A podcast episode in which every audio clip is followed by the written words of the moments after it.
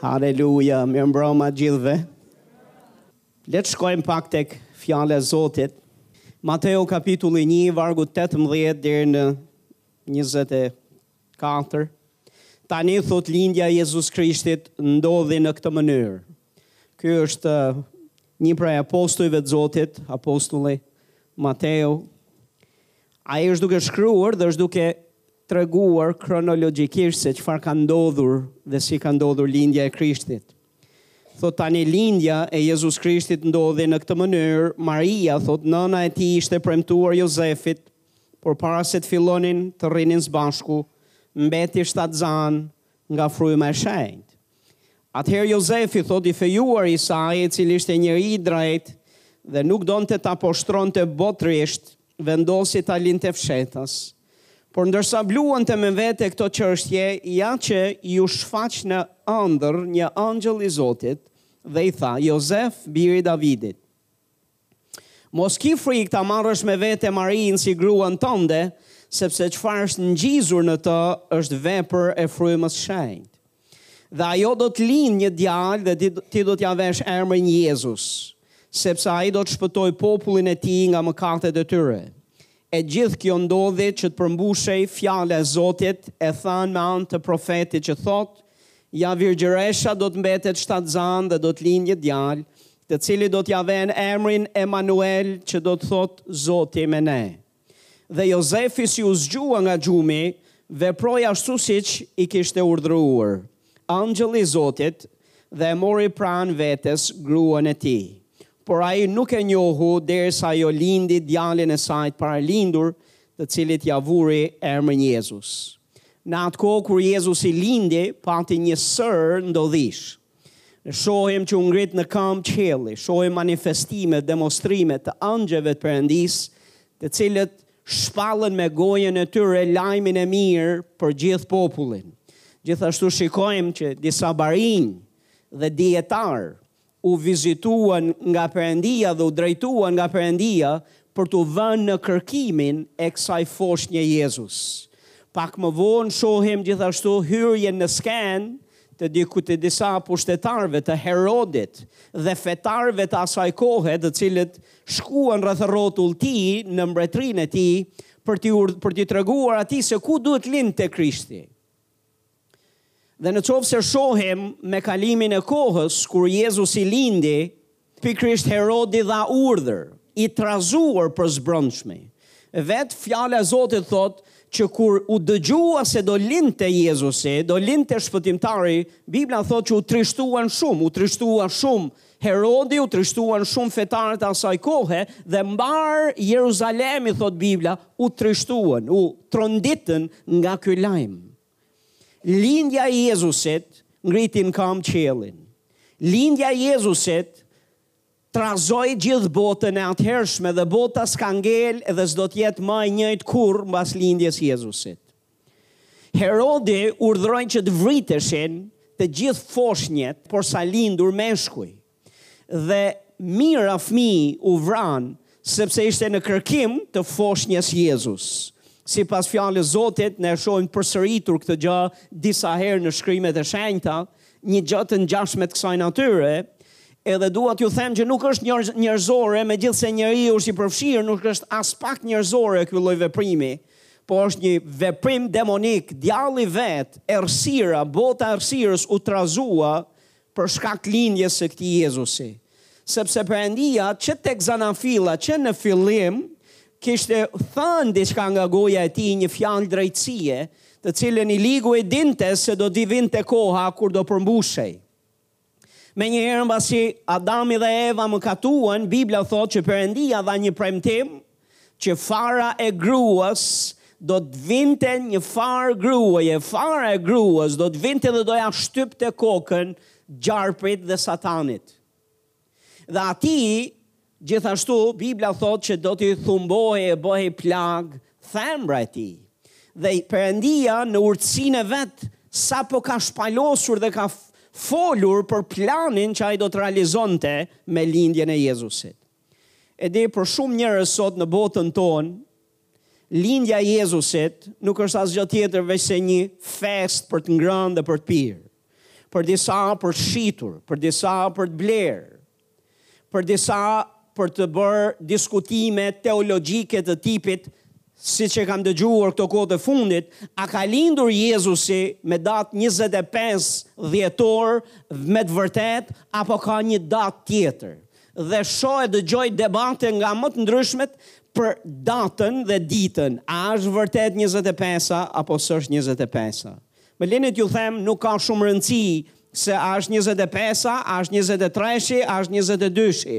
Po ça ka rëndësi është që e gjithë bota E di se Krishti lindi dhe si pastor Fatmiri që nuk kam gjë tjetër për të folur përveçse Biblën edhe Shkrimin e Shenjtë, dua të marr kohë në këtë ditë në këtë ditë Krishtlindje dhe të flas për qëllimin dhe rëndësinë e lindjes Jezusit, se sa të merremi me sa çfarë dite ka lindur ai. Sepse për ne si të krishterë ka më shumë rëndësi mbledhja së bashku për të festuar, mbledhja së bashku për të kujtuar pse lindi, mbledhja së bashku për t'i përçuar botën arsyen e lindjes së tij, mesazhin e lindjes së tij. Realisht për ta kujtuar, kisha jonë dhe kishat e Zotit e kujtojnë lindjen e tij nga java në javë, nga dita në ditë. Po kjo ditë e shënuar në mbarë botën është e ndarë më njanë dhe është edhe një shenjë tjetër për mbarë botën kur të gjykohen një ditë nga ky Jezus që lindi në në atë grazhd që Bibla flet, kur t'gjykohen një ditë askush nuk do mund të thotë po s'kam dëgjuar për ty, sepse kanë dëgjuar minimumi për një ditë Krishtlindje. Minimumi kanë dëgjuar për këtë lindje të Jezusit.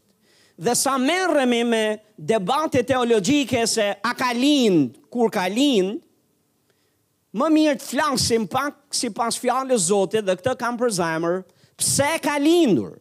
Cili është qëllimi i lindjes Jezusit? Dhe unë do të marr pak nga koha juaj për të ndarë për këto qëllime të lindjes së tij. Sepse ka shumë rëndësi, kanë shumë rëndësi arsyet e lindjes së tij. Njëherë pikë së pari Krishti lindi për të demonstruar dashurinë dhe mirësinë e Perëndisë ndaj njerëzve. Ta them edhe një herë, Krishti lindi për të demonstruar dashurinë dhe mirësinë e Perëndisë ndaj njerëzve. Tek Luka dy, vargu katërmbëdhjetë, kur engjëjt e Perëndisë u shfaqën, mesazhi i tyre ishte ky, Lavdi Perëndisë në vendet më të larta dhe paqe mbi tokë njerëzve mbi të cilët qëndron mirëdashja e tij. Fjala shqipe mirëdashja është një fjalë e mrekullueshme. Shqipja jonë këtu ja ka qëlluar, sepse është bashkim i fjalës mirësi dhe dashuri. Dhe engjëjt e Zotit folën shqip atë ditë me sa shof. Engjëjt e Zotit thanë këtë gjë, Paqe mbi tokë njerëzve, menjëherë kur lajmëruan lindjen e këtij Jezusi, thanë paqe mbi tokë njerëzve, mbi të cilët qëndron edhe mirësia e Perëndisë, po edhe dashuria e Perëndisë. Tek Gjoni tre gjashtëmbëdhjetë, Bibla thotë sepse Perëndia aq shumë e deshi botën, sa dha Birin e tij të vetëmlindur, këtë Jezusin për të cilin flasim, që lindi e dha Perëndia Thotë Fjala e Zotit, që kushdo që do të besojë tek Ai të mos humbasë, por të ketë jetën e përjetshme. Pra, Perëndia e deshi botën, kjo është arsyeja pse Jezusi lindi. Titi, kapitulli 3, vargu 4 deri në 5, vargjet Biblës këto. Shih se çfarë i thotë Pali Titit edhe gjithë kishës, Po kur u shfaq, thotë, mirësia e Perëndisë, e Shpëtimtarit tonë dhe dashuria e Tij për njerëzit. Pra, kur lindi Krishti, lindi për të demonstruar mirësinë dhe dashurinë e Perëndisë për të gjithë njerëzit. Thotë, Ai na shpëtoi jo me anë të veprave të drejta që ne bëmë, por sipas mëshirës së Tij. Përse lindi Krishti? Lindi Krishti për të shërbyer. E di, ai ishte Perëndi dhe ai ishte në qiell edhe gëzonte gjithë lavdinë, por Bibla thotë që ai e zbrazi veten nga gjitha të drejtat e tij hyjnore dhe mori një trajtë shërbëtori. Vini re se çfarë Ai thotë tek Mateu dymbëdhjetë vargu tetëmbëdhjetë, thotë, Ja, shërbëtori im, që unë e zgjodha, thotë, i dashuri im në të cilin shpirti im është i kënaqur, unë do ta ve frymën time, thotë, mbi ta, dhe ai do t'ju shpallë drejtësinë popujve. Pra shkrimi i shenjtë është duke u referuar këtij Jezusi, këtij Krishti që lindi si shërbëtor i Perëndisë, i cili lindi i zgjedhur, i dashur para Perëndisë, i vajosur prej Perëndisë, për të shpallur drejtësinë popujve.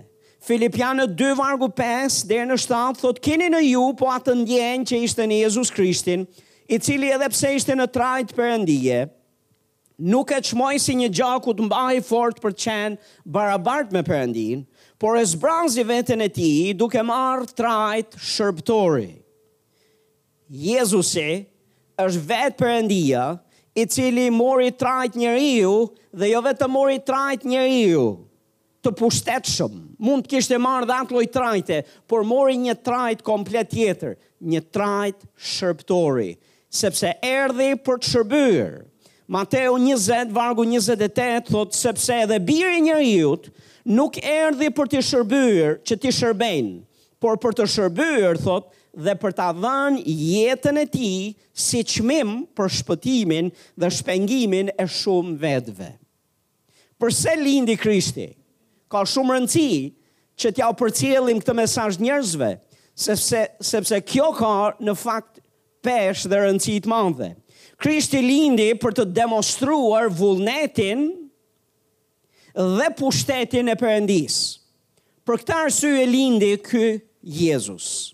Hebrenjve 10 vargu 6 na thotë atëherë unë thashë, ja unë po vij në rrotullin e librit është shkruar për mua për të bërë o Perëndi vullnetin tënd. Veprat dhjetë vargu tridhjetë e tetë thotë se si Perëndia vajosi me frymën e shenjtë edhe me fuqi Jezusin prej Nazareti, i cili e përshkroi vendin duke bërë mirë dhe duke shëruar të gjithë ata që ishin pushtuar nga djalli, sepse Perëndia ishte me të. Luka shtatë, vargu njëzet e një deri njëzet e dy, Jezu, tek Jezusi erdhi një i dërguar i Gjon Pagëzorit. Dhe Gjon Pagëzori donte të sigurohej a është Krishti që du të vinte apo du të prisnim dikë tjetër. Dhe shifni se çfarë përgjigje i jep Jezusi të dërguarit dishepullit të Gjon Pagëzorit që t'ja çojë Gjonit. Vargu njëzet e një thotë dhe në atë orë Jezusi shëroi shumë veta nga sëmundjet, nga fatkeqësitë dhe nga frymërat e liga dhe shumë të verbërve iu dhuroi të parit. Dhe Jezusi duke u përgjigjur u tha atyre, Shkoni i thoni Gjonit çfarë keni dëgjuar dhe çfarë keni parë, të verbërit fitojnë përsëri të parit. Të çalët ecin, lebrozët po pastrohen, të shurdhët po dëgjojnë, të vdekurit po ringjallen dhe lajmi i mirë u shpallet të varfërve. Krishti lindi për të demonstruar vullnetin edhe pushtetin e Perëndisë. Në këtë mënyrë, duke shkuar kudo me mbështetjen e Perëndisë dhe të Frymës së Shenjtë, Ai shkoi thotë duke bërë mirë e duke shëruar të gjithë ata që ishin pushtuar nga djalli. Sëmundjet, lëngimet, dhimbjet që njerëzit kalojnë e përjetojnë nuk janë paqja dhe mirëdashja e Perëndisë për njerëzit, po janë vepra të të ligut. Krishti erdhi për të demonstruar pushtetin e vet, për të demonstruar vullnetin e Perëndisë ndaj njerëzve duke bërë mirë dhe duke i shëruar. Dhe me detaje ai shpjegon dhe hyn duke thënë lebrozët pastrohen, të verbrit shohin, të të çalët ngrihen, të shurdhët dëgjojnë, të vdekurit ringjallen, lajmi i mirë u shpallet të varfërve. Përse lindi Krishti? Krishti lindi për të vdekur në kryq. E di që nuk është shumë e këndshme për veshët tanë që të dëgjojmë e të flasë shkojmë nga lindja e tij, tani të shkojmë tek vdekja e tij. Po më lini t'ju them, nuk mundemi që t'i ndajmë këto dyja nga njëra tjetra, sepse lindja e Krishtit nuk do të kishte kuptim pa vdekjen e tij, nuk do kishte kuptim pa përmbushjen e misionit të tij. Mbasi Jezusi vdiq në drurin e kryqit, për të cilin Bibla na flet dhe që do lexojmë dhe pak shkrime së bashku, ne shohim që Jezusi mbas tre ditësh, siç edhe kishte folur, u ringjall prej vdekjes. Dhe dishepujt e tij, një pjesë e mirë e tyre, ishin të habitur, sepse nuk e prisnin ringjalljen e Jezusit. Dy prej tyre ishin duke ecur së bashku dhe duke biseduar. Dhe Bibla thotë që Jezusi iu shfaq dhe bëri një copë rrugë me ta, por ata nuk e kuptuan, nuk e njohën se kush është duke ecur me ta dhe kush po flet me ta. Dhe kur ju Jezusi iu afrua atyre, këtë e gjejmë tek Luka 24, kur iu afrua, iu tha përse jeni duke diskutuar. Dhe ata i thanë, si për çfarë jemi duke diskutuar? Ti mund të jesh i vetmi i huaj që s'ke dëgjuar se çfarë ka ndodhur në Izrael e në Jeruzalem këto ditë. I bëhet fjalë për Jezusin Nazareas, i cili u kryqëzua në drurin e kryqit.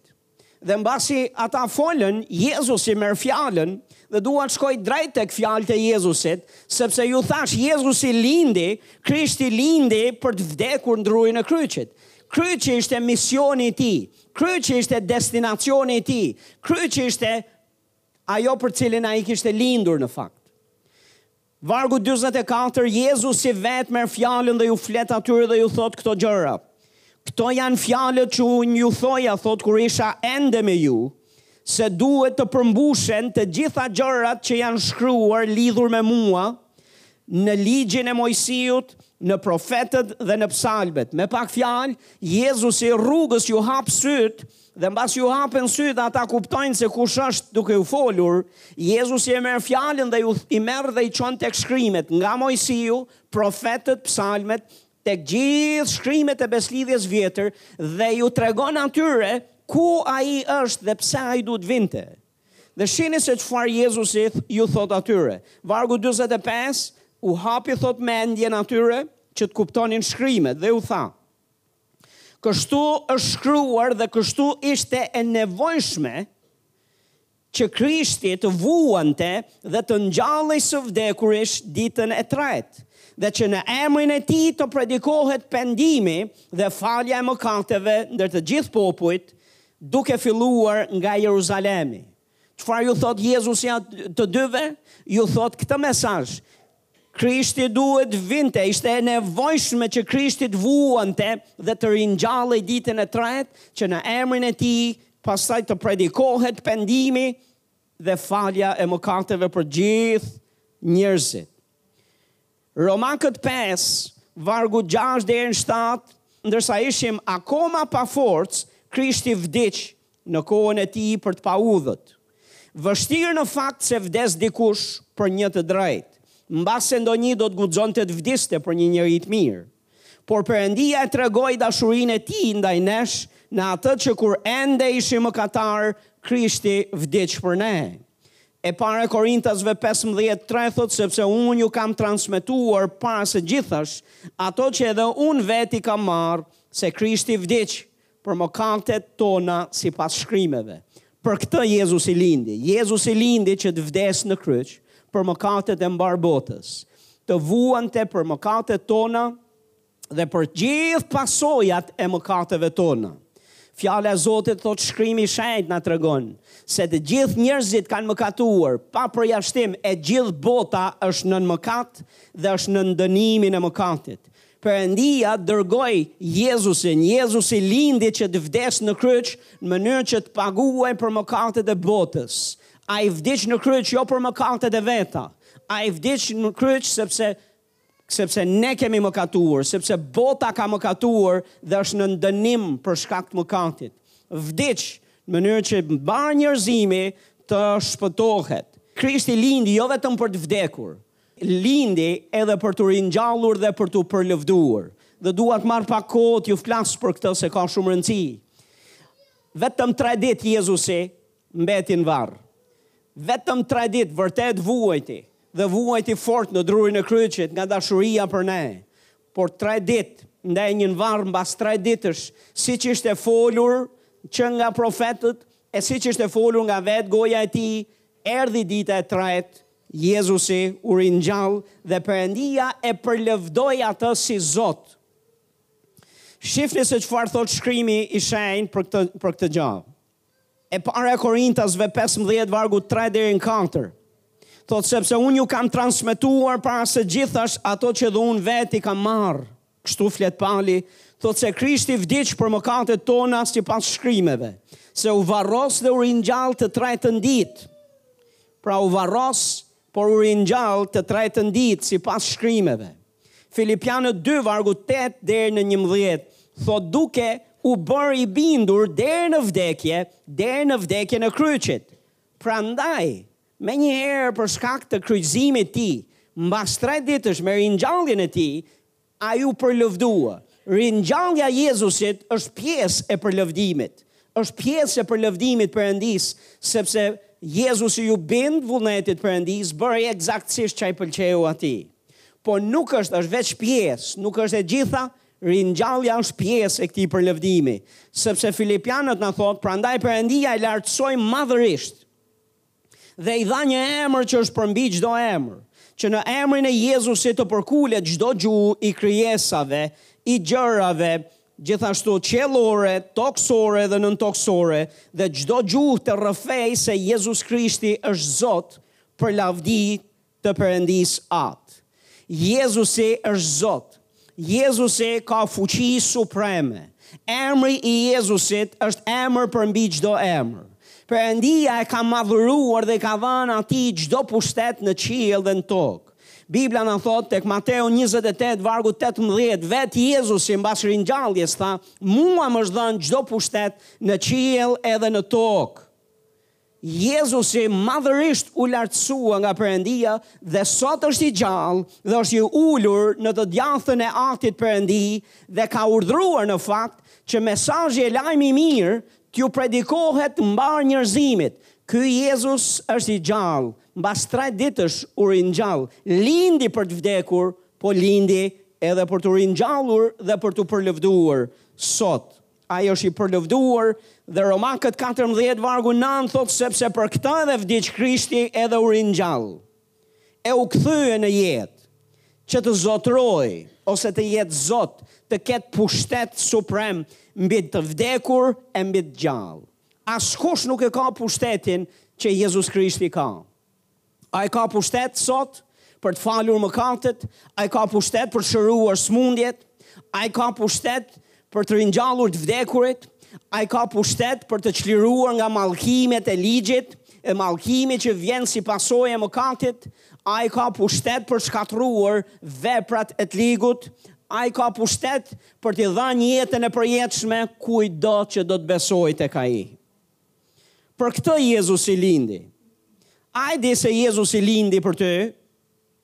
Tani le ta sjellim pak në rrafshin personal, sepse po, ai lindi për mbarë botën. Ai erdhi të demonstrojë madhështinë, mirësinë, vullnetin, fuqinë e Perëndisë për mbarë njerëzimin.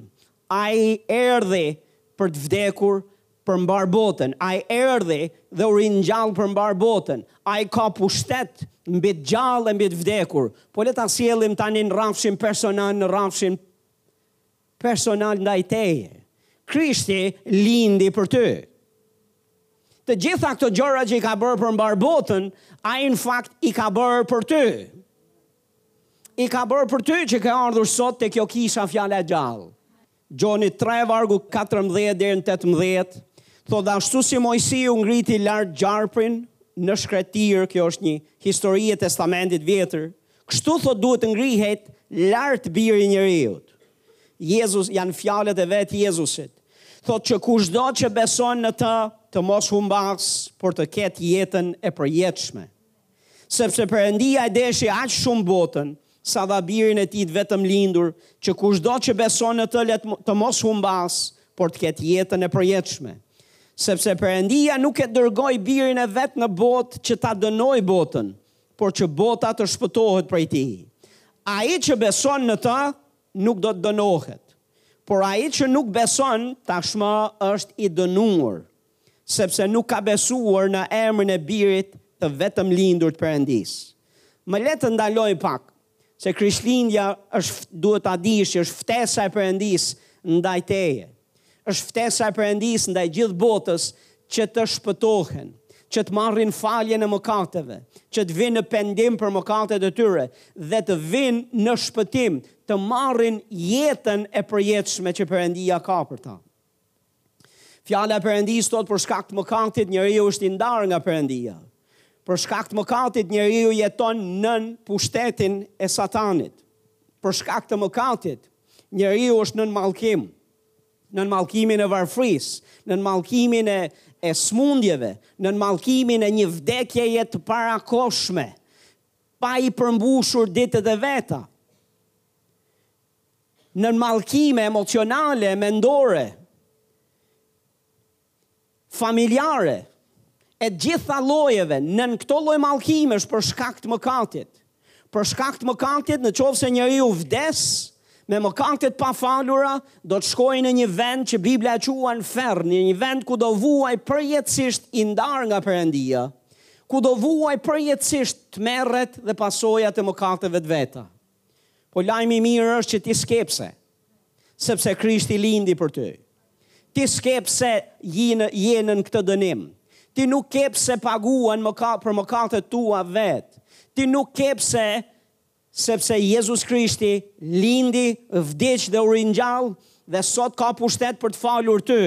Të vetmin kusht që thotë fjala e Zotit që i ka dhënë njerëzimit është që të besojmë te Jezusi. Kushdo që do të besojë tek Ai, do të ketë jetën e përjetshme.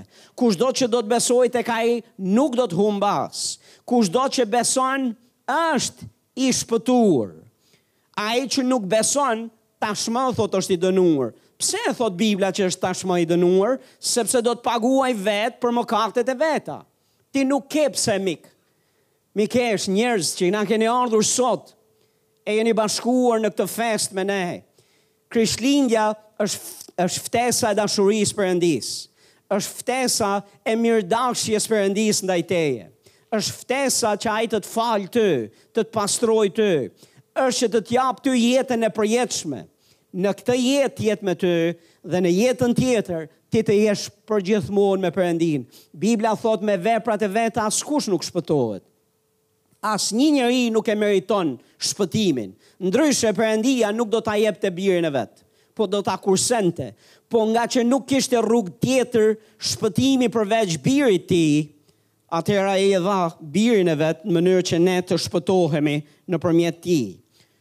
E para Gjonit pesë trembëdhjetë thotë jua shkrova këto gjëra juve që besoni në emrin e birit Perëndisë që ta dini dhe ta dini se keni jetën e përjetshme dhe që të besoni në emrin e birit Perëndisë nuk i është dhënë emër tjetër njerëzimit thotë Bibla përveç emrit të Jezusit për shpëtim dhe kushdo që thërret në këtë emër do të shpëtohet për këtë është Krishtlindja miq është që ne ta kalojmë bukur e mirë, është sigurisht që të qeshim e të gëzohemi, është sigurisht që të festojmë,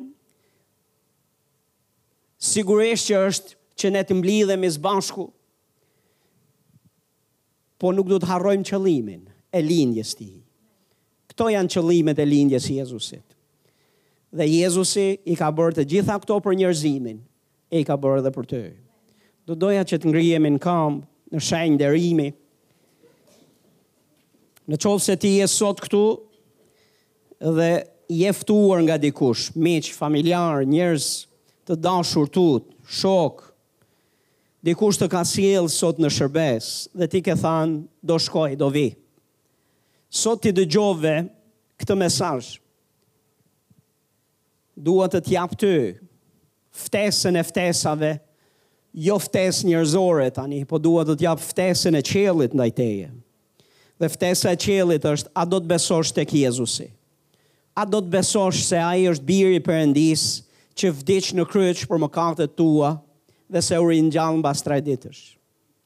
A do ta marrësh ti faljen e mëkateve tua sot A do ta marrësh ti pajtimin me Perëndinë sot me anë të besimit te Jezusi? Në qoftë se ti je këtu sot dhe thua po, unë dua, nuk dua që të pres një ditë më shumë, nuk dua t'ia lë këtë, këtë një, një ngjarje tjetër, një dite tjetër, por dua që të besoj sot. A është dikush që do të besojë te Jezusi sot për herë të parë? Besimi te Jezusi nuk është në interesin tonë që ne të na rritet një numër në kishë. Më beso është që ti të shpëtohesh. Është që ti të besosh dhe të marrësh jetën e përjetshme. Është që ti të bekohesh, që ti të pajtohesh me Perëndinë dhe të largo të largosh atë barrën e rëndë të mëkateve që e ke ti mbi jetën tënde mbi supet tua, është për shpëtimin tënd. Kështu që nëse ti ke dëshirë sot, bashkoju kësaj lutje, le t'i lutemi Perëndisë së bashku. Kështu që dua që e gjithë kisha të lutet bashkë me mua, sepse Bibla thotë që kushdo që e thërret emrin e Zotit për shpëtim, të thërrasësh do të thotë që ti me anë të lutjes tënde Ti ngre zërin dhe thërret emrin e Zotit për shpëtim dhe i thua atij që dua të besoj tek ti. Kështu që ne do të bëjmë këtë gjë, do e bëjmë këtë lutje. Ti vëlla që ngrite dorën, bëje këtë lutje nga zemra. Po dhe ju të tjerët që s'e ngritët dorën, po që do të doni ta ngrini dorën, bëjeni këtë lutje dhe në qoftë se do e bëni me gjithë zemër, Perëndia do ta do ta nderojë dhe do ta dëgjojë dhe ti do të shohësh se si jeta jote ka për të ndryshuar. Nëse ti realisht e ke me zemër besimin te ky Jezus sot, nëse ti vërtet ia hap derën e zemrës dhe thua Zot dua të të jap ty një shans se dua të vish në jetën time, ti do të shohësh ndryshimin e jetës tënde. Ti nuk do të jesh më i njëjtë. Sepse një nga gjërat e para që ai do të bëjë për ne, për ju, është që ai do të heqë një zemër të gur, të guri e do të japë një zemër të butë e do të të japë ty aftësinë që ta duash Perëndinë, ta duash fjalën e tij dhe të duash që t'i shërbesh atij.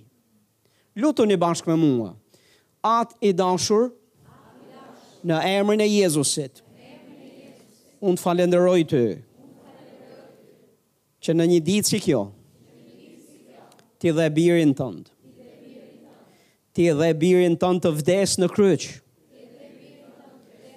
E sakrifikove në mënyrë që unë të falem dhe unë të shpëtohem nga paudhësitë dhe mëkatet e mia.